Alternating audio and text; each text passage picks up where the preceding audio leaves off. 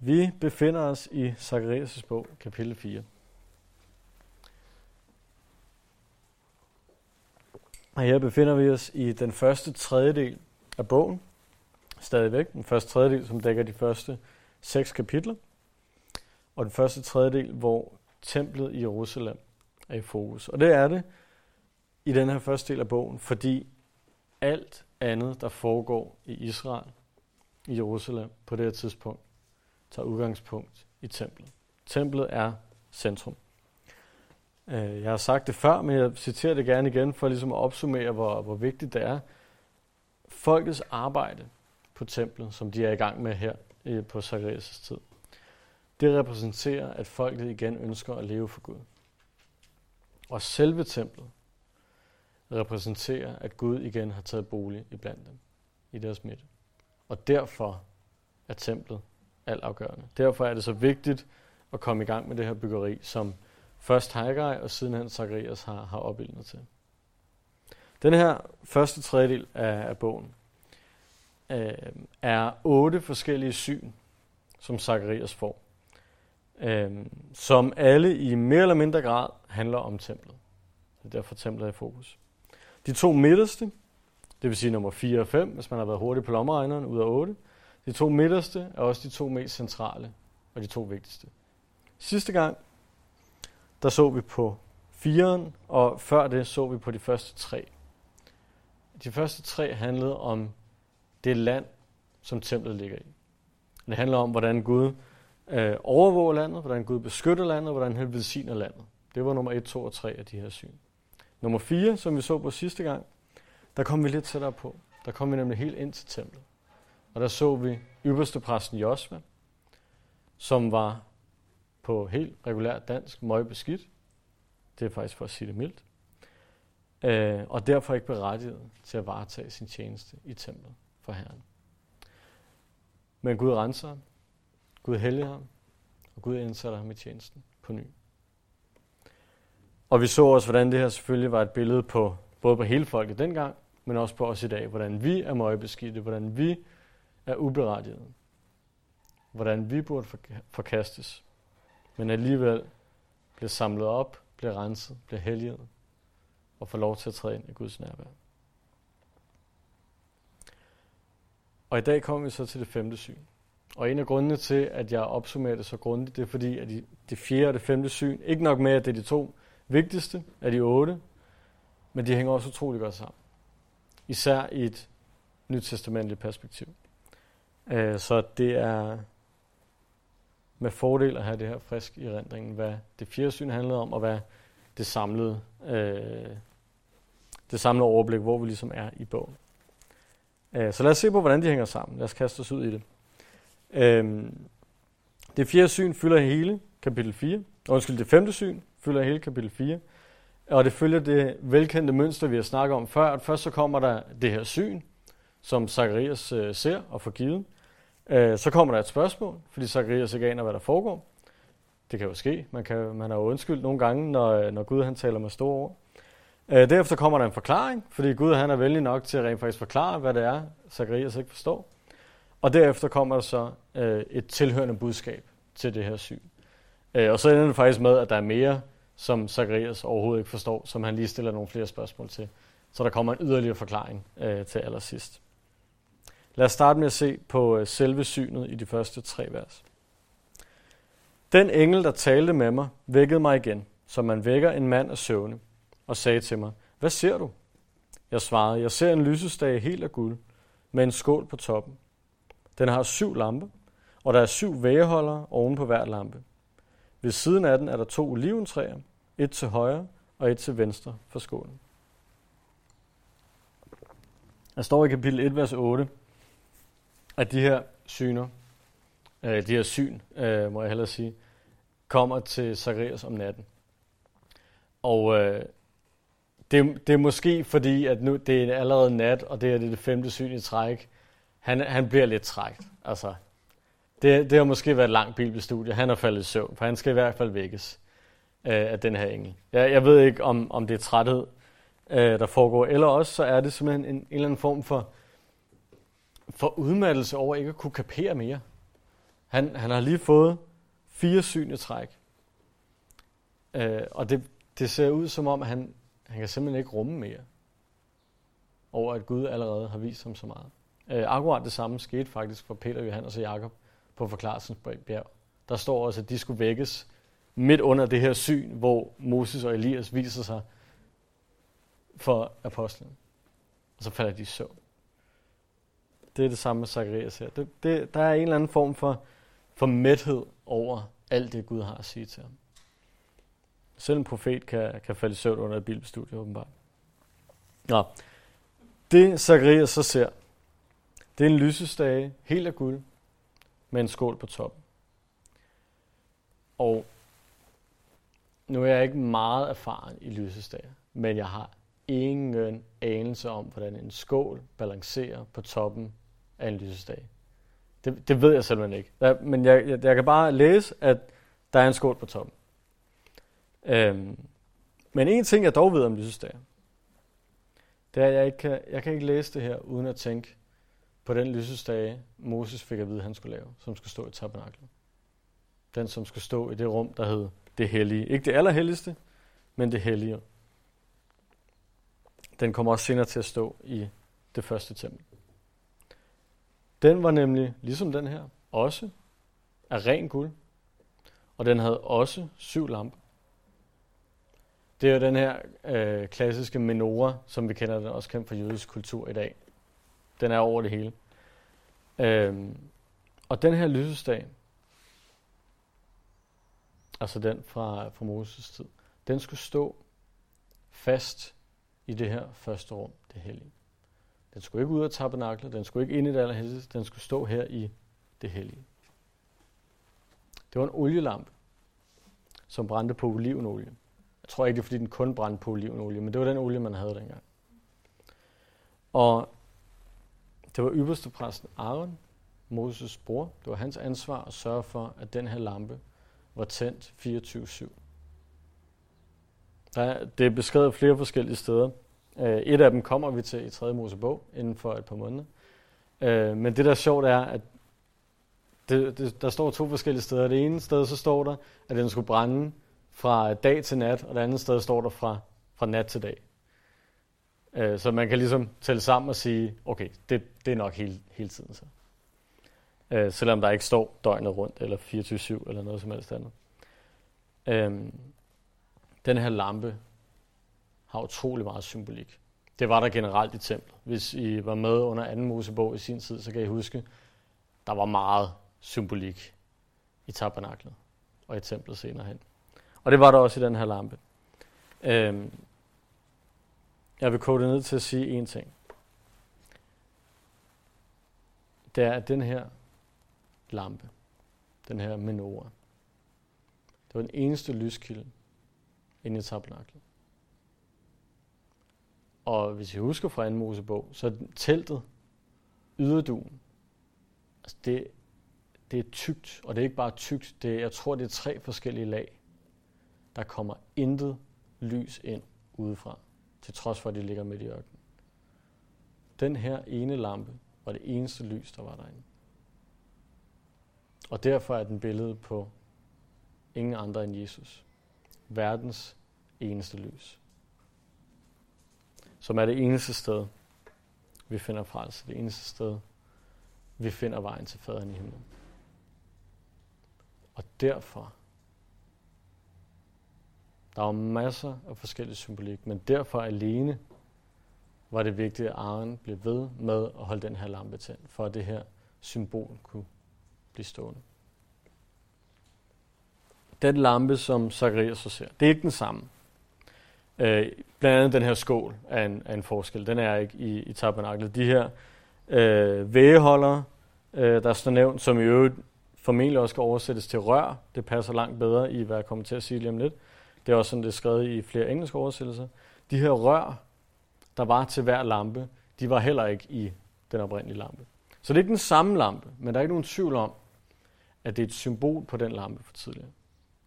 Når Zacharias får lov til at se det her, så er det meningen, at han skal tænke på den første lampe. Og det giver egentlig meget god mening. De er ved at bygge templet for anden gang. Og så får han et syn, der vedrører det første tempel, det første tabernakel. Det er Gud, han havde i tankerne oprindeligt. Øh, og den her lampe bliver dermed et symbol på den øverste præstlige tjeneste, som Aaron havde. Så når Zacharias ser det her, så det han skal tænke, det er det første tabernakel. Det er de første ypperste præster. Det er den første tjeneste. Det er mellemmændene mellem Gud og mennesker. Alt det er vi nødt til at have i tankerne, når vi læser det her. På hver side af den her lampe, der står der to oliventræer.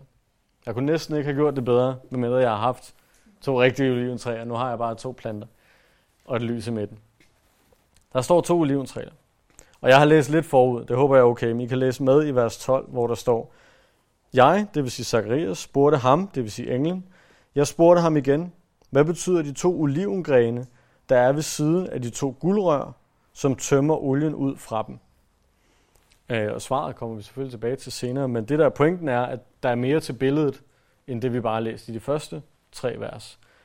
Øh, fordi der er også, der er de her to oliventræer, de har selvfølgelig en masse grene på, og så er der to specifikke grene, der kommer ud af det her oliventræ. Og ud fra dem står der, at der er to guldrør, som tømmer olie fra træets grene, og der læser jeg lidt ind i teksten, men jeg går ud fra, at de tømmer olien ned i den her skål, som er på toppen af lampen. Og for den her skål, så er der så de her, der står vægeholdere på dansk, der står rør i mange oversættelser. Så for skålen er der rør til hver af de her lamper, og det er det, der betyder noget. Fordi på Arens tid, det var det, der var hans opgave i forbindelse med den her øh, menor, i forbindelse med den her lampe. På Arens tid, så skulle man fylde de her lamper kontinuerligt med olie. Man skulle ud og anskaffe sig noget olie. Det har ikke været helt nemt i ørkenen. Man skulle ud og anskaffe sig noget olie, hvad end arbejde det har krævet. Og så skulle man hellige sig, før man kunne gå ind i det hellige. Det har også krævet noget tid.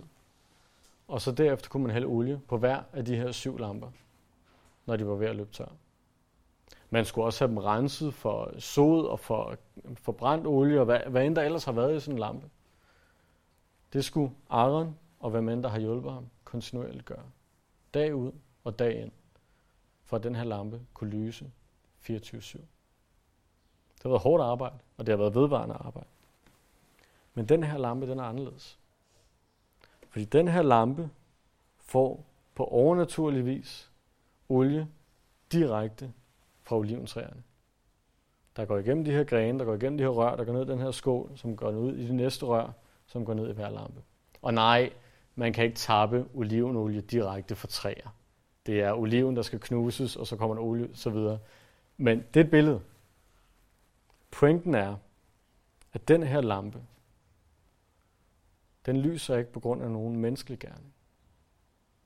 Den lyser, fordi Gud overnaturligt fylder den kontinuerligt med olie. Der er intet menneske inden over det her.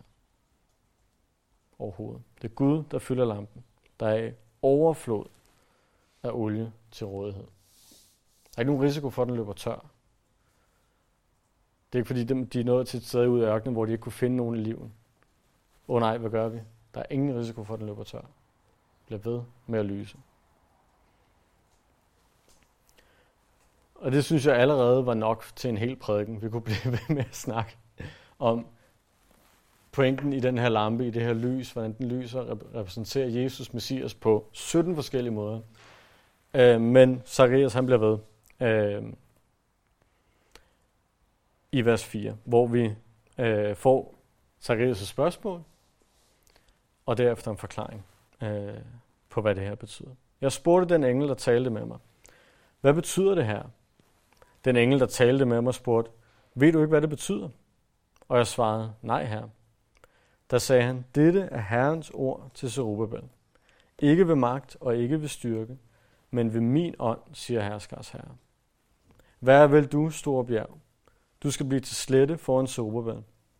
Så skal han hente slutstenen, mens der lyder jubelråb, jubelråb over den.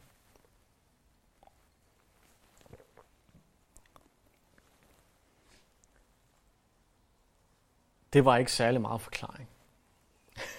Ved alle de andre, der, der har der været et eller andet syn, som var fuldstændig umuligt at forstå. Og så har Zacharias sagt, hvad i alverden foregår der? Og så har Gud forklaret, nå jamen, det betyder sådan og sådan og sådan. Nå okay, det er fedt nok.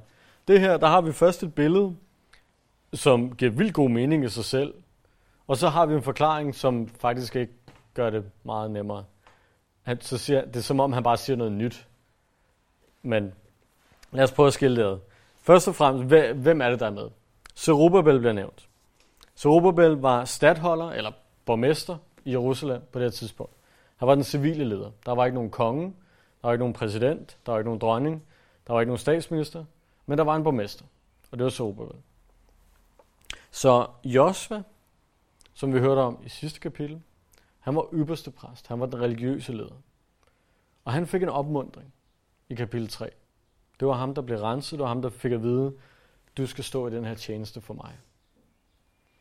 Øh, så han fik en opmundring. Og nu er turen så kommet til, til Zerubbabel. Han får også et ord fra Herren. Så det er hvem, der ligesom er med. Så kommer, hvad er med, hvilket også ender med at blive, hvem er med. Fordi det, der er med, er olien. Det er olien, der gør den her lampe speciel. Eller vel at mærke, måden den får olien på. Rigtig, rigtig, rigtig mange steder i Bibelen er olie et symbol på Helligånden. Faktisk så mange steder, at når man lytter til en prædiken om det her, eller andre steder, hvor olie er med, så langt de fleste, de forklarer ikke engang, at olie er et syn på Helligånden. De antager bare, at det ved alle. Øh, så ofte er det, er det gentaget. Den her passage er faktisk den, der viser det aller tydeligst. Øh, så det er ret fedt, at vi er kommet til den. Gud han siger nemlig til Zerubbabel, at det her værk, han er ved at foretage sig, det her med at få bygget templet, den tjeneste, det er for Gud. Det skal ikke gøres gennem menneskelig magt eller menneskelig styrke. Det skal gøres ved Guds ånd. Lysestagen, vi lige har kigget på, den var, som også nævnt, et billede på tjenesten for Herren. Og lampen blev holdt i gang af en lind strøm af olie. Og nu siger Gud til Zerubbabel, at din tjeneste for Herren skal holdes i gang af Helligånden.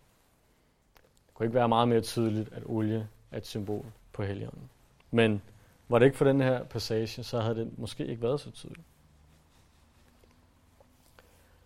Det er i hvert fald ikke til at tage fejl af, hvad det er, han prøver at sige. Et hvert værk for Herren skal være drevet af Guds ånd. Et hvert værk. Ikke bare sådan, at når jamen, uh, Chuck Smith og Billy Graham og de andre, de skal være drevet af Helligånden. Og så ellers os, også med den lidt mindre tjeneste, vi kan godt gøre det selv. De er jo døde begge to, men det er så, hvad det er. Et hvert værk for Helligånden, for Gud, skal være drevet af Helligånden.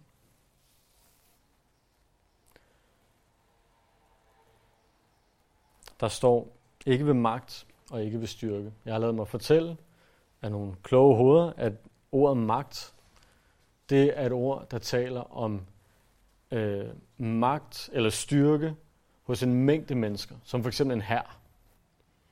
Så det her, det er ikke, det er ikke Israels hær, der skal stå sammen om at klare det her værk.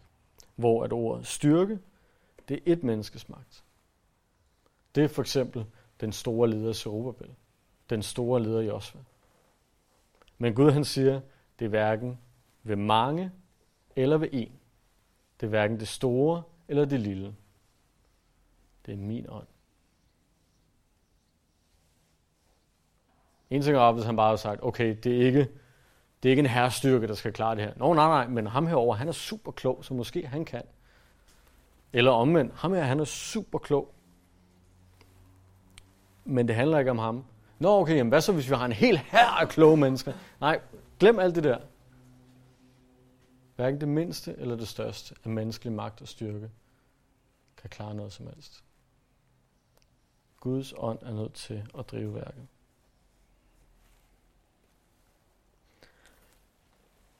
Når vi taler om det, så er vi også nødt til at huske, at Gud han arbejder igennem os. Vi kan ikke bare læne os tilbage og sige, nå, fint, det er alligevel også Gud det hele. Det er fint. Det der missionsbefaling, nej, det må han have misset. Det, der sagde han forkert, fordi det er Guds ånd, der skal drive hele værket. Gud han arbejder igennem os. Lige så vel som han kaldte Zerubbabel og folket til at bygge det her tempel. Men det var nødt til at være Gud, der arbejdede igennem dem til at bygge templet. Når Zerubbabel han udfører sit arbejde, sin tjeneste, sit værk for Gud på den her måde, så lover han i vers 7, der står, hvad vil du, store bjerg? Du skal blive til slette foran Soberbæl. Gud han lover ham, at det bjerg er en udfordring, der står foran ham. Det er ikke et fysisk bjerg, der skal nedlægges. Men den udfordring, der står foran ham, det skal blive jævnet med jorden. Det skal blive en slette for ham. Så opgaven vil blive let, så han kan, som der står, hente slutstenen, altså den sidste sten, der skal færdiggøre bygningen, som holder det hele sammen til allersidst. Den skal han kunne hente og skyde jubelråb over færdiggørelsen af det her tempel. Og hvis du ikke skulle opfatte det allerede, så det her er essentielt. Både for tjenesten og for vores kristne liv generelt. Vi er nødt til at være fyldt Guds ånd. Vi er nødt til at være stærke i Herren og i hans mægtige styrke, som Paulus beskriver det. Og salme 127 siger, hvis ikke Herren bygger huset, arbejder bygmesterne forgæves. Hvis ikke Herren våger over byen, våger vægteren forgæves. Der er igen det her samspil. Det er stadig bygmesterne, der skal bygge, men hvis ikke Herren er med i det, så bygger de forgæves. Vi kan godt prøve at gøre ting selv. Vi kan godt prøve at vise, hvor stærke og mægtige vi er. Det er der mange mennesker, der har prøvet gennem tiden. Men det vil fejle. Jeg vil fejle, hvis jeg prøver selv. Vi er nødt til kontinuerligt at blive fyldt af Guds ånd. Det, der så er lidt sjovt, det er at den her måde at anskue det på. At, at vi ikke skal fokusere på vores egen magt og styrke, men på Guds ånd. Det er den, skal vi sige, den klassiske måde at tolke det her på. Jeg tror også, det er korrekt. Men det, der er sjovt, er i konteksten. Da Zerubbabel hørte de her ord første gang, der var det lige omvendt. Der var det ikke en opfordring til, hvordan han skulle gøre det rigtigt. Der var det en opmundring til, hvordan det skulle lykkes. Fordi Zerubbabel stod ikke og følte, at han havde stor magt og styrke i sig selv. Han stod ikke og følte, at han bare havde styr på det der tempel og de der fjender og det der med at genopbygge resten af byen samtidig. For Zerubbabel er det her en opmundring. Din magt og styrke er ligegyldig, fordi min ånd er med i det. Så hvis du står i dag på den anden side og tænker, jeg, har ikke, jeg, jeg kan ikke de her opgaver, den her tjeneste, det her værk, så er det her en opmuntring til dig. Det er ikke din magt og styrke, det kommer an på. Det er Guds magt og styrke. Det er hans ånd.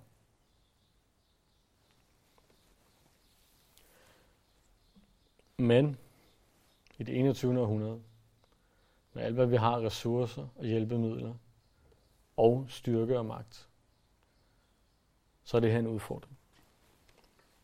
Og ikke at hvile på sin egen styrke, men på Guds styrke. Der er ultimativt tre forskellige måder at udføre et hvert værk for Gud på. Den første er, at vi kan bruge vores egen magt og styrke.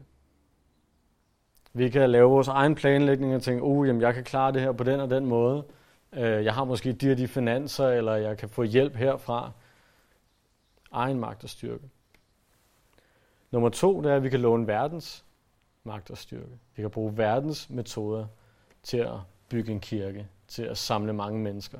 Vi kan holde en eller anden flot inspirationstale, øh, som får en masse mennesker ind. Vi kan dele 100 kroner sædler ud ved indgangen. Verdens metoder. Det er den anden måde, man kan gøre tingene på.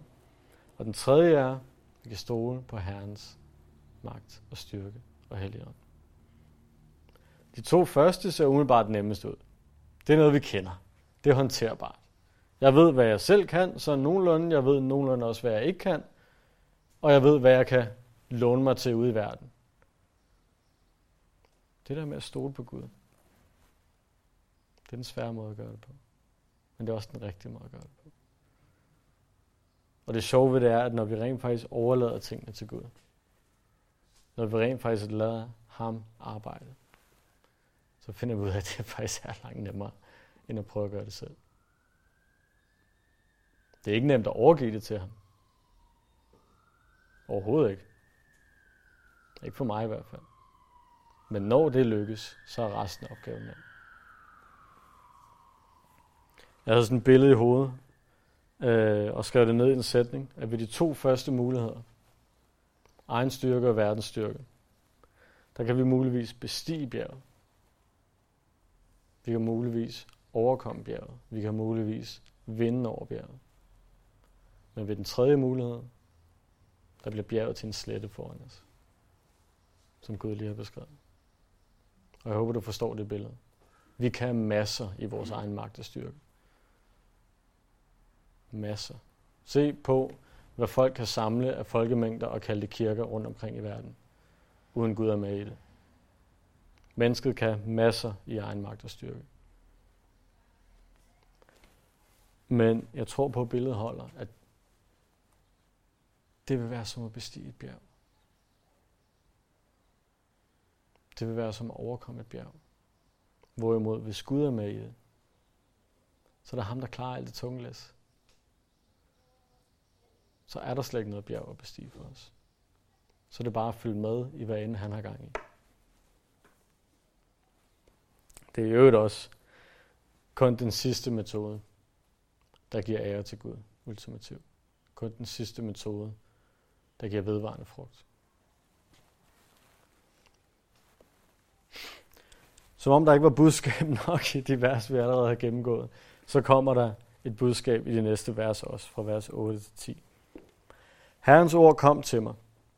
Rubabels hænder har grundlagt dette hus. Hans hænder skal fuldføre det. Så skal du forstå, at herskers herre har sendt mig til jer.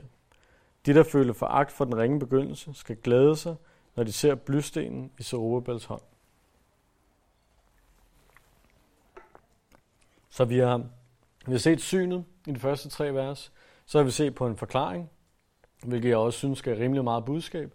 Og nu kommer et ekstra budskab, som ikke øh, har noget at gøre med tolkningen af selve synet, men det er en pointe, Gud har lyst til at give til Zerubbabel. Og til Zacharias selvfølgelig, eller gennem Zacharias. Budskabet er det her. Zerubbabel skal færdiggøre templet. De hænder, der har grundlagt det her hus, skal også fuldføre det. Og det skal de, fordi Gud han er sådan en type, der holder, hvad han lover. Det håber jeg, du vidste i forvejen. Om ikke andet, så skal jeg nok gentage det. Og jeg kommer nok også til det senere hen i bogen. Når Gud han står bag værket, så skal han nok være trofast til at fuldføre det. Når Gud han har lovet noget, så kommer det også til at ske. Og Gud han havde sagt, at det her tempel det skulle bygges. Og nu lover han endnu en gang, at det også skal være Sobervel, der færdiggør det. Det er jo rimelig nemt at forstå. Derefter kommer et af de vers, som ikke nødvendigvis betyder vildt meget for sådan den gennemsnitlige kristne ude i verden. Måske, måske ikke. Men det betyder meget for mig. Og jeg tror, det betyder meget for den her menighed. De, der føler foragt for den ringe begyndelse. Andre oversættelser stiller det her som et spørgsmål. Hvem har foragtet den ringe begyndelse? Eller hvem har, for, har foragtet øh, de ringe begyndelsers dag? Står der i mange engelske oversættelser. Arbejdet på det her tempel var en ringe begyndelse. Det var et underkudet og et fattigt folk på det her tidspunkt. De var lige kommet tilbage fra fangenskabet. De har nærmest intet af deres eget. Og de blev kaldet til at bygge det her tempel. Samtidig med, at de også gerne vil bygge deres egen huse. Måske også opdrage deres børn, være sammen med deres familie, alle de her ting. Det var en ringe begyndelse på det her tempel. Og der var også et tidspunkt, hvor der, der var ikke engang den store passion og iver. En ting er, hvis man virkelig gerne vil, men har bare ikke overskud til det.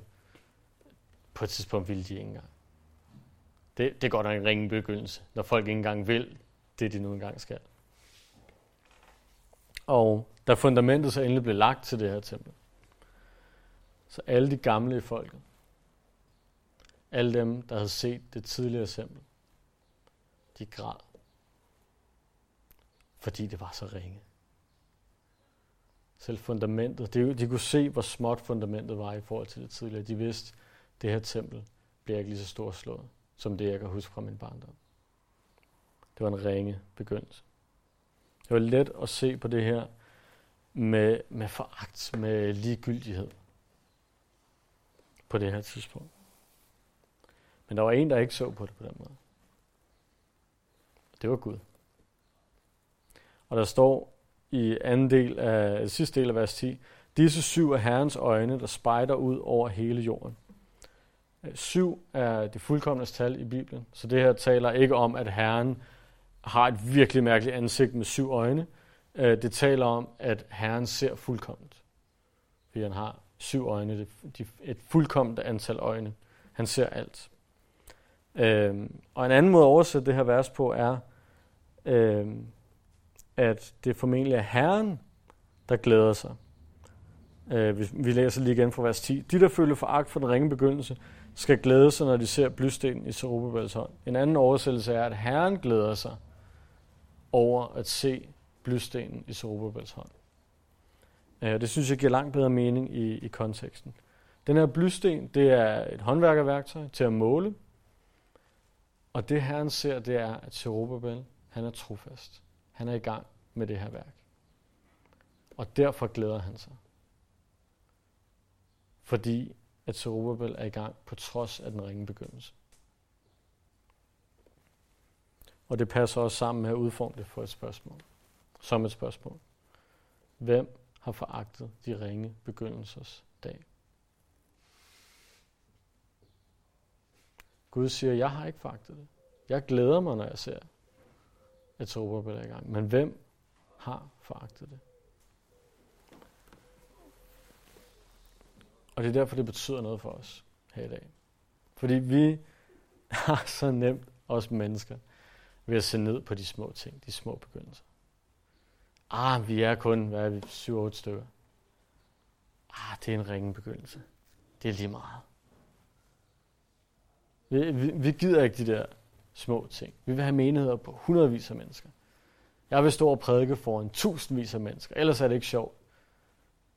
Det er, ah, det er en ringe begyndelse. Det kan også være lige meget. Det foragter vi. Det ser vi ned på. Jeg synes, at Gud arbejder for langsomt. Vi har været i gang i... Jeg har været med her i 10 år. Dalen har været i gang lidt længere end det. Ah, det er en ringe begyndelse. Og jeg tror, at med Soberbel har tænkt noget lignende. Fordi da han fik det her ord, der har han været i gang i 14 år på det her tempel. 14 år. Og så siger Gud, hvem har foragtet, foragtet de ringe begyndelsers dag? Dag? Hvad snakker du om? Jeg har været i gang i 14 år. Det er en lang dag. Ja, ja. I Guds øjne, så er det bare en dag. Den er snart overstået. Vi synes, at han arbejder for langsomt. Det er kedeligt. Ej, det er hårdt. Chuck, han fortæller en historie, hvor, som han har oplevet flere gange, lyder det til, at der, der kommer nogle unge gutter hen til ham, eller en ung gut, øh, en af gangen måske, og, og siger, at de vil gerne tjene her i, i Calvary Chapel. Øh, det er vel at mærke efter, at det bliver en større menighed. Ikke? Så de kommer hen og siger til dem, de vil, de vil gerne tjene. Og Chuck siger, fedt, det er lige, hvad vi har brug for. Hvis du går over og taler med, jeg tror han hedder Mike, han står for børnekirken, og de mangler faktisk nogen til at undervise søndag formiddag. Øh, gå og snak med ham, så øh, kan du komme ind i, i planen og så videre, så kan du være med derovre. Der er også øh, Romain, han står for, øh, for øh, rengøringen. Øh, og han har også en hel plan for rengøring. Hvis du går og snakker med ham, så kan du være med, komme ind i tjenesten. Og nogle af dem har garanteret sagt ja, men dem han så fortæller om, de, de står sådan lidt tilbageholdende.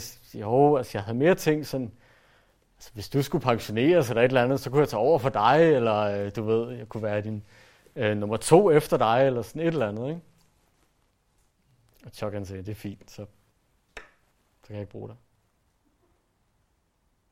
Hvis du kun vil være med, når det er stort og flot. Hvis du ikke har mod på den ringe begyndelse, så kan det være lige meget. Og det er sådan, vi ofte har det. Vi gider ikke de der små ting. Det skal være stort. Nu har jeg ikke talt, hvor mange gange.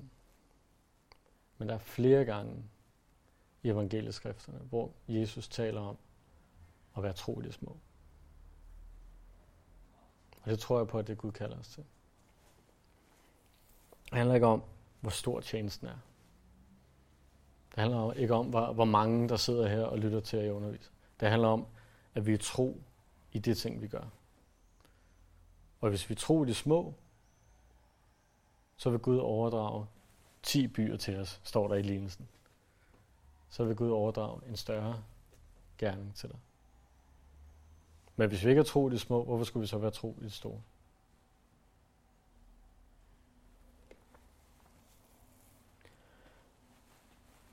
Chuck han sagde en anden ting. Han sagde, at alting er forberedelse på noget andet.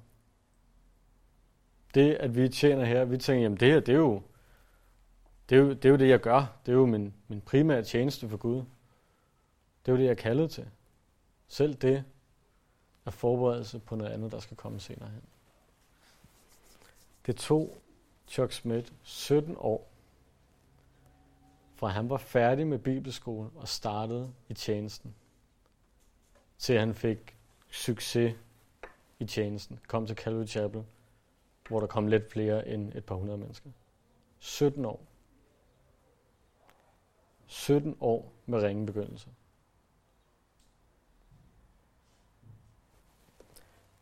Og ja, det er nemt at, at smide sådan et tal ud og sige 17 år, men prøv, prøv, prøv at tænke sig. Hvor var du for 17 år siden? Tænk så, hvis du havde lavet... Ja, ja hvor jeg gik i folkeskolen. altså, tænk så, hvis du havde lavet det samme i 17 år, og du stadig ikke var kommet videre fra det. I verdens øjne i hvert fald. 17 år. Det er godt nok lang tid. Fra han var 21 til han var 38. Og de her 17 år, dem beskriver han selv som den skole, Gud havde ham i. Til at forberede ham på den tjeneste, der kom. Gud han havde ting i de 17 år, som var vigtige at lære for Chuck. Gud han har ting i de små begyndelser, som er vigtige at lære. Der er noget udarbejde, der er noget øh, ydmyghed, der er noget arbejde, der er noget trofasthed. Ting, som vi ikke nødvendigvis lærer, hvis vi bare bliver plukket ind i en menighed på tusind mennesker, hvor alt er godt, og der bliver frelst øh, 50 hver søndag formiddag. Så lærer vi ikke de hårde ting af. Men det gør vi i de ringe begyndelser. Så lad os, ikke, lad os ikke se ned på den ringe begyndelse. Lad os ikke se ned på de små gerninger, de små ting, vi gør for Gud. Lad os lære af det, vi står i nu, og ikke se frem mod, hvad vi måske engang skal stå i. Lad os være trofast der, hvor vi er nu. Lad os få øjnene væk fra alt det der, vi gerne vil have, som vi synes kunne være godt og rigtigt og stort. Lad os stadig se mod Jesus. Lad os stadig se mod og give ham mest mulig ære i hvad end vi står i nu. Om det så er stort eller småt.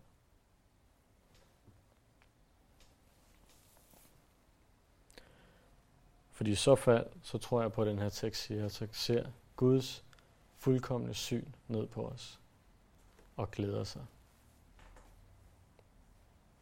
Det handler ikke om, hvad vi har magt og styrke til at gøre. Det handler om, hvad vi er trofaste til at gøre. Magt og styrken. Hvad skal Gud bruge det til? Hvis hans ånd kan klare det hele alligevel. Men trofastheden, den ønsker Gud.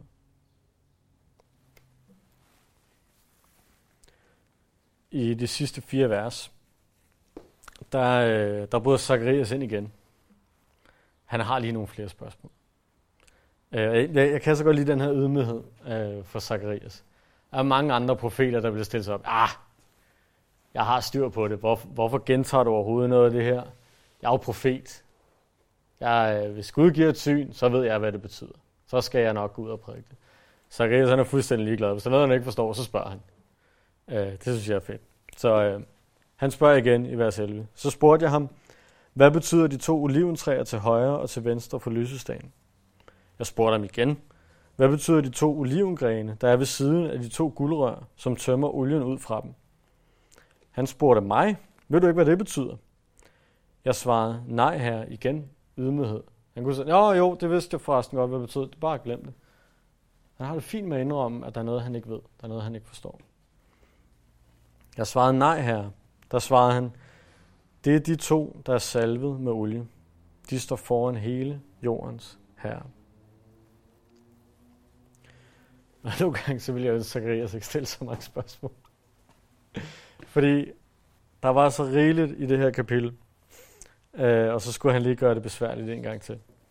Der er rigtig meget spekulation øh, om de her vers. Også mere, end, end hvad jeg har øh, proppet ind i mine noter. Øh, formentlig, så de her to træer, som vi også snakker om i starten, de her to træer, der står rundt om den her øh, lysesdag, de repræsenterer Messias' kongelige og ypperste præstlige embede. Man taler normalt om, at Messias havde tre roller, eller skulle få tre roller, øh, fra et gammelt testamentligt synspunkt, hvor han ikke var kommet endnu. Han skulle være profet, han skulle være præst, han skulle være konge. Og Jesus var så sandelig alle tre ting. Øhm, ud af de tre, der er den præstlige og den kongelige de absolut vigtigste. Øh, den præstlige er den gerning, Jesus gjorde for at bringe os til Gud. Det er svært at overse den. Den kongelige er selvfølgelig, at Jesus selv er Gud almægtig. Han er konge, kongernes konge og herrenes herre. Øh, det er også vigtigt, at han er profet. Det er også vigtigt, at han bliver kaldt øh, rabbi, øh, underviser, lærer i sin tid her på jorden. Øh, det er også vigtigt, men det har ingenting sammenlignet med det faktum, at han er Gud almægtig, og at han har skabt bro mellem os og Gud. Så de her to træer repræsenterer formentlig de to ting. Og så selvfølgelig Messias som, øh, som lysestagen i midten. Teksten derimod, det var bare lige for at komme ind i teksten. Teksten fokuserer derimod på de to grene, som stikker ud fra de her træer, og hvor igennem olien så kom ned i selve lysestagen. Øh, og der står til sidst her, at de to, det er de to, der er salvet med olie og står foran hele jordens herre. De er salvet med olie til tjenesten. Bogstaveligt talt står der faktisk, at de er sønner af olie. Hvordan man så ellers er sønner af olie. Øh, det betyder, det, det er et gammelt hebraisk udtryk, som betyder, at hvis man er søn af noget, så er det det, der karakteriserer en allermest. Så at de er sønder af olie, det betyder, at det, der karakteriserer de her to personer allermest, det er, at de er fyldt med helligånden. De er fyldt med olie, som er billedet på helligånden. Øhm, der er mange andre sønder af noget i Bibelen. Næste gang du øh, støder på det, øh, så kig på, hvad de sønder af. Øh, nogle steder så står der, nu kan jeg ikke huske, hvad de hedder på dansk, men på engelsk er det sønder af Belial, øh, som jeg tror nok er enten Bal eller en anden afgud. Det er selvfølgelig ikke en god ting, at det, der karakteriserer en allermest, er, at man dyrker en afgud. Øh, men det er et udtryk, der er brugt for at vise noget om den person, der er tale om.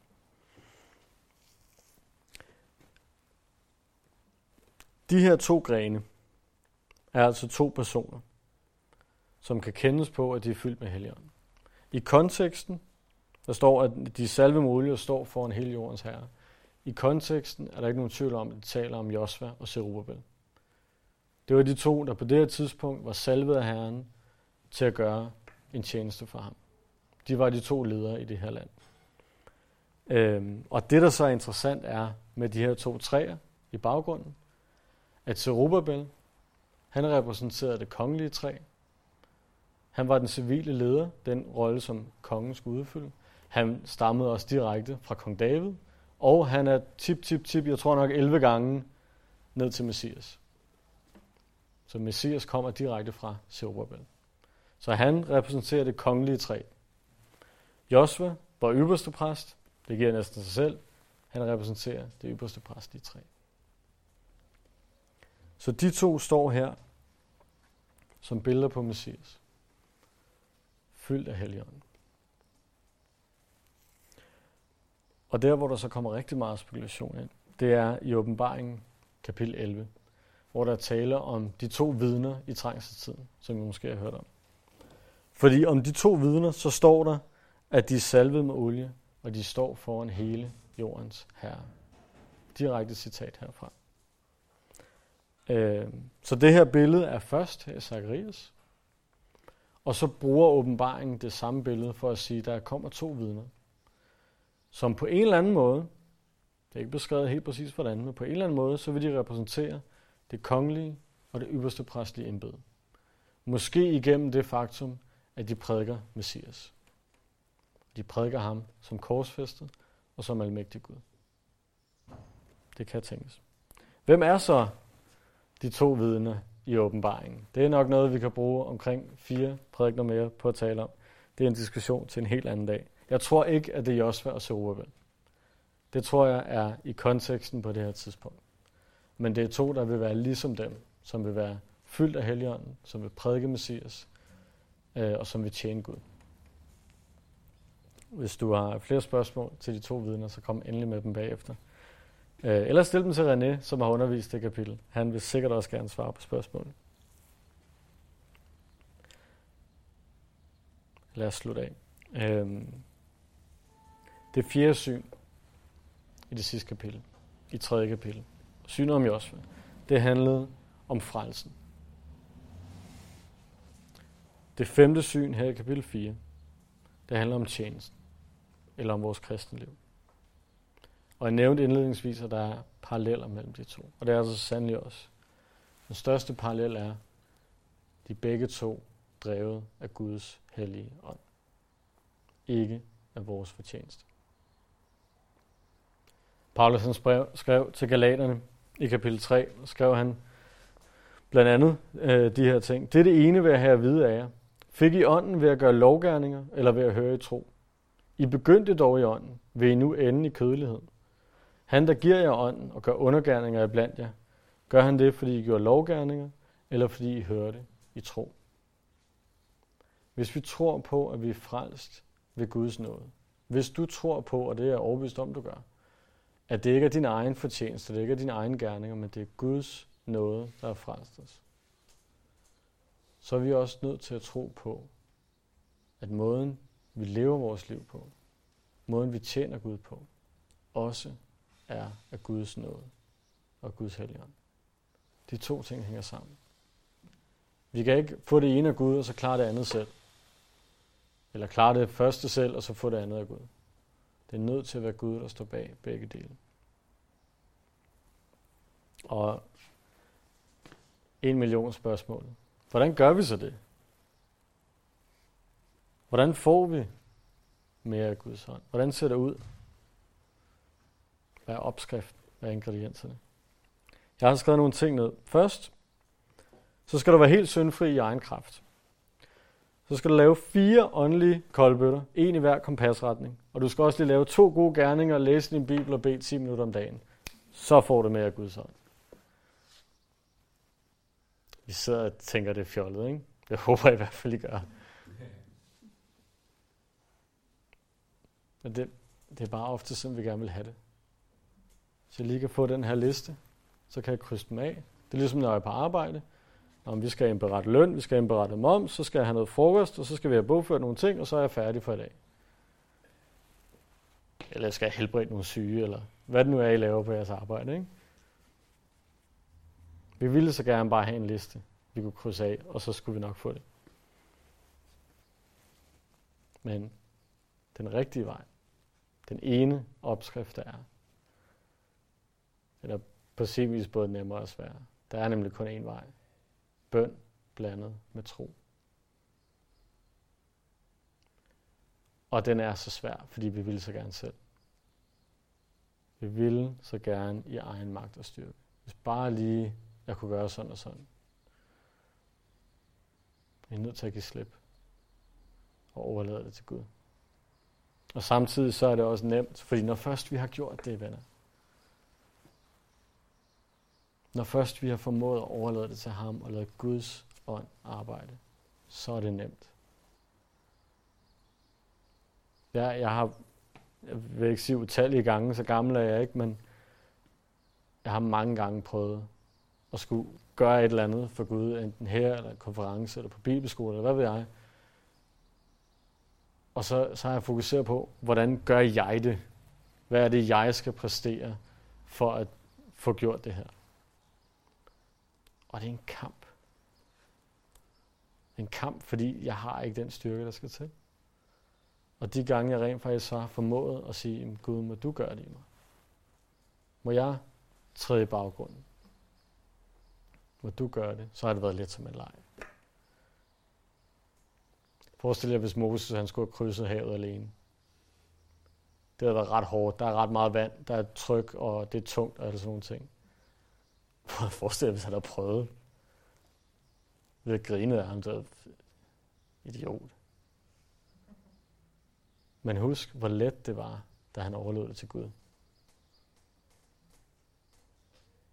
Det var bare lige en stok. Og så kunne han vandre frit igennem. Sådan er det, når vi overlader tingene til Gud. Bøn blandet med tro. Søg ham. Søg ham altid med alt, hvad du har. Og ikke, ikke bare bed en bøn. Gør det i tro. Gør det i forventning om, at han svarer. Fordi hvis vi bare beder en bøn, så er det netop kryds af på listen. Fint, så har jeg gjort det. Men forvent, at han svarer. Forvent, at han holder, hvad han lover. Jesus siger i Lukas 11:13, når der I, som er onde, kan give os børn gode gaver, hvor meget snarere vil så ikke faderen i himlen give helligånden til dem, der beder ham. Der er ikke noget måske i den sætning. Der er ikke engang i nærheden af at være et måske i den sætning. Gud han vil give sin helligånd til dem, der beder ham. Gud han giver den, der spørger. Be med forventning om at få. Husk, at vi får ikke ånden som en fortjeneste på grund af en gerning, som en belønning. Men husk også det her. Hvis vi beder, og vi beder i tro, og han giver sin hånd, så holder Gud sig ikke tilbage. Han forventer ikke, at du skal gøre noget for at få noget af hans ånd. Men hvis du beder om hans ånd, og du får det, så forvent ikke, at du bare kan leve videre, som du gjorde før. Så kan det nemlig godt være, at Gud han forventer noget. Måske, hvis det er nødvendigt, det ved kun han, så vil han bede dig om at rydde ud i noget synd. Men formentlig vil han bede dig om at gøre en tjeneste for ham, eller en gerning for ham, et værk for ham. Hvorfor skulle du ellers bruge hans ånd? Der er to pointer med at få mere af ham. Ligne mere Jesus, ligne Jesus mere, og gøre mere for ham. Forvent ikke, at du bare kan modtage lidt ekstra krydderi i dit liv, og så leve videre som før, med den der ekstra helligåndskraft. kraft lyder næsten som en dårlig tysk reklame, ikke? Be i forventning om at få.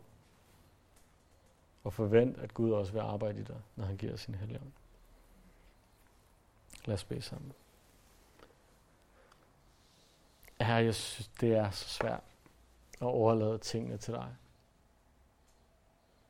Jeg vil så gerne gøre det selv.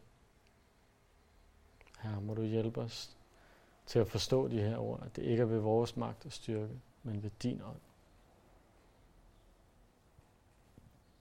Og herre, vi ønsker nu at bede for mere af dig. Her som vi sang tidligere, må du gøre passionen i os større. Må du ruske op i os. Her må du give os mere af dig. Så vi kan ligne dig mere, så vi kan tjene dig bedre. Her må du starte det. Det beder vi i dit hellige navn. Amen.